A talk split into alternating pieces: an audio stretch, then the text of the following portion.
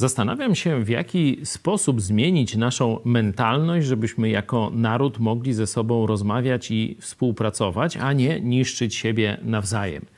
Niszczenie jest cechą fanatyków.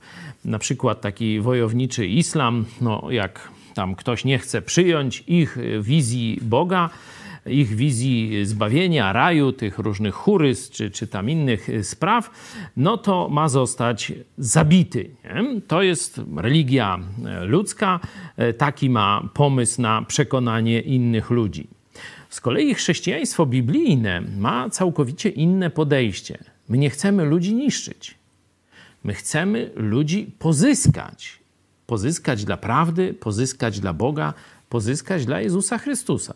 Zobaczcie, że gdyby takie nastawienie nawet w debacie politycznej funkcjonowało, że nie chcemy zniszczyć przeciwnika, ale go pozyskać, całkowicie inaczej wyglądałaby nasza przestrzeń publiczna. Oczywiście mówię to także do siebie, także do naszego środowiska, bo przecież tu też elementy zacietrzewienia istnieją. Żeby pokazać właśnie, że to nie jest jakiś mój wymysł, ale że sam Bóg to objawił, zobaczcie, e, pierwszy list do Koryntian, dziewiąty rozdział, apostoł Paweł tak o sobie pisze.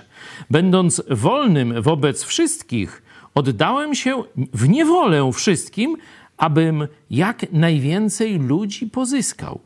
I stałem się dla Żydów jako Żyd, aby Żydów pozyskać.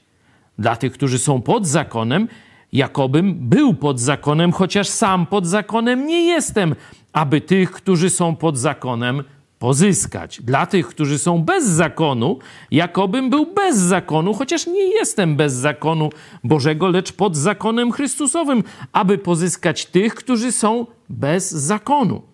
Dla słabych stałem się słabym, aby słabych pozyskać. Dla wszystkich stałem się wszystkich, wszystkim, aby tak czy siak czy owak niektórych zbawić. To jest pozycja, podejście chrześcijańskie. Chcieć pozyskać, nie zniszczyć.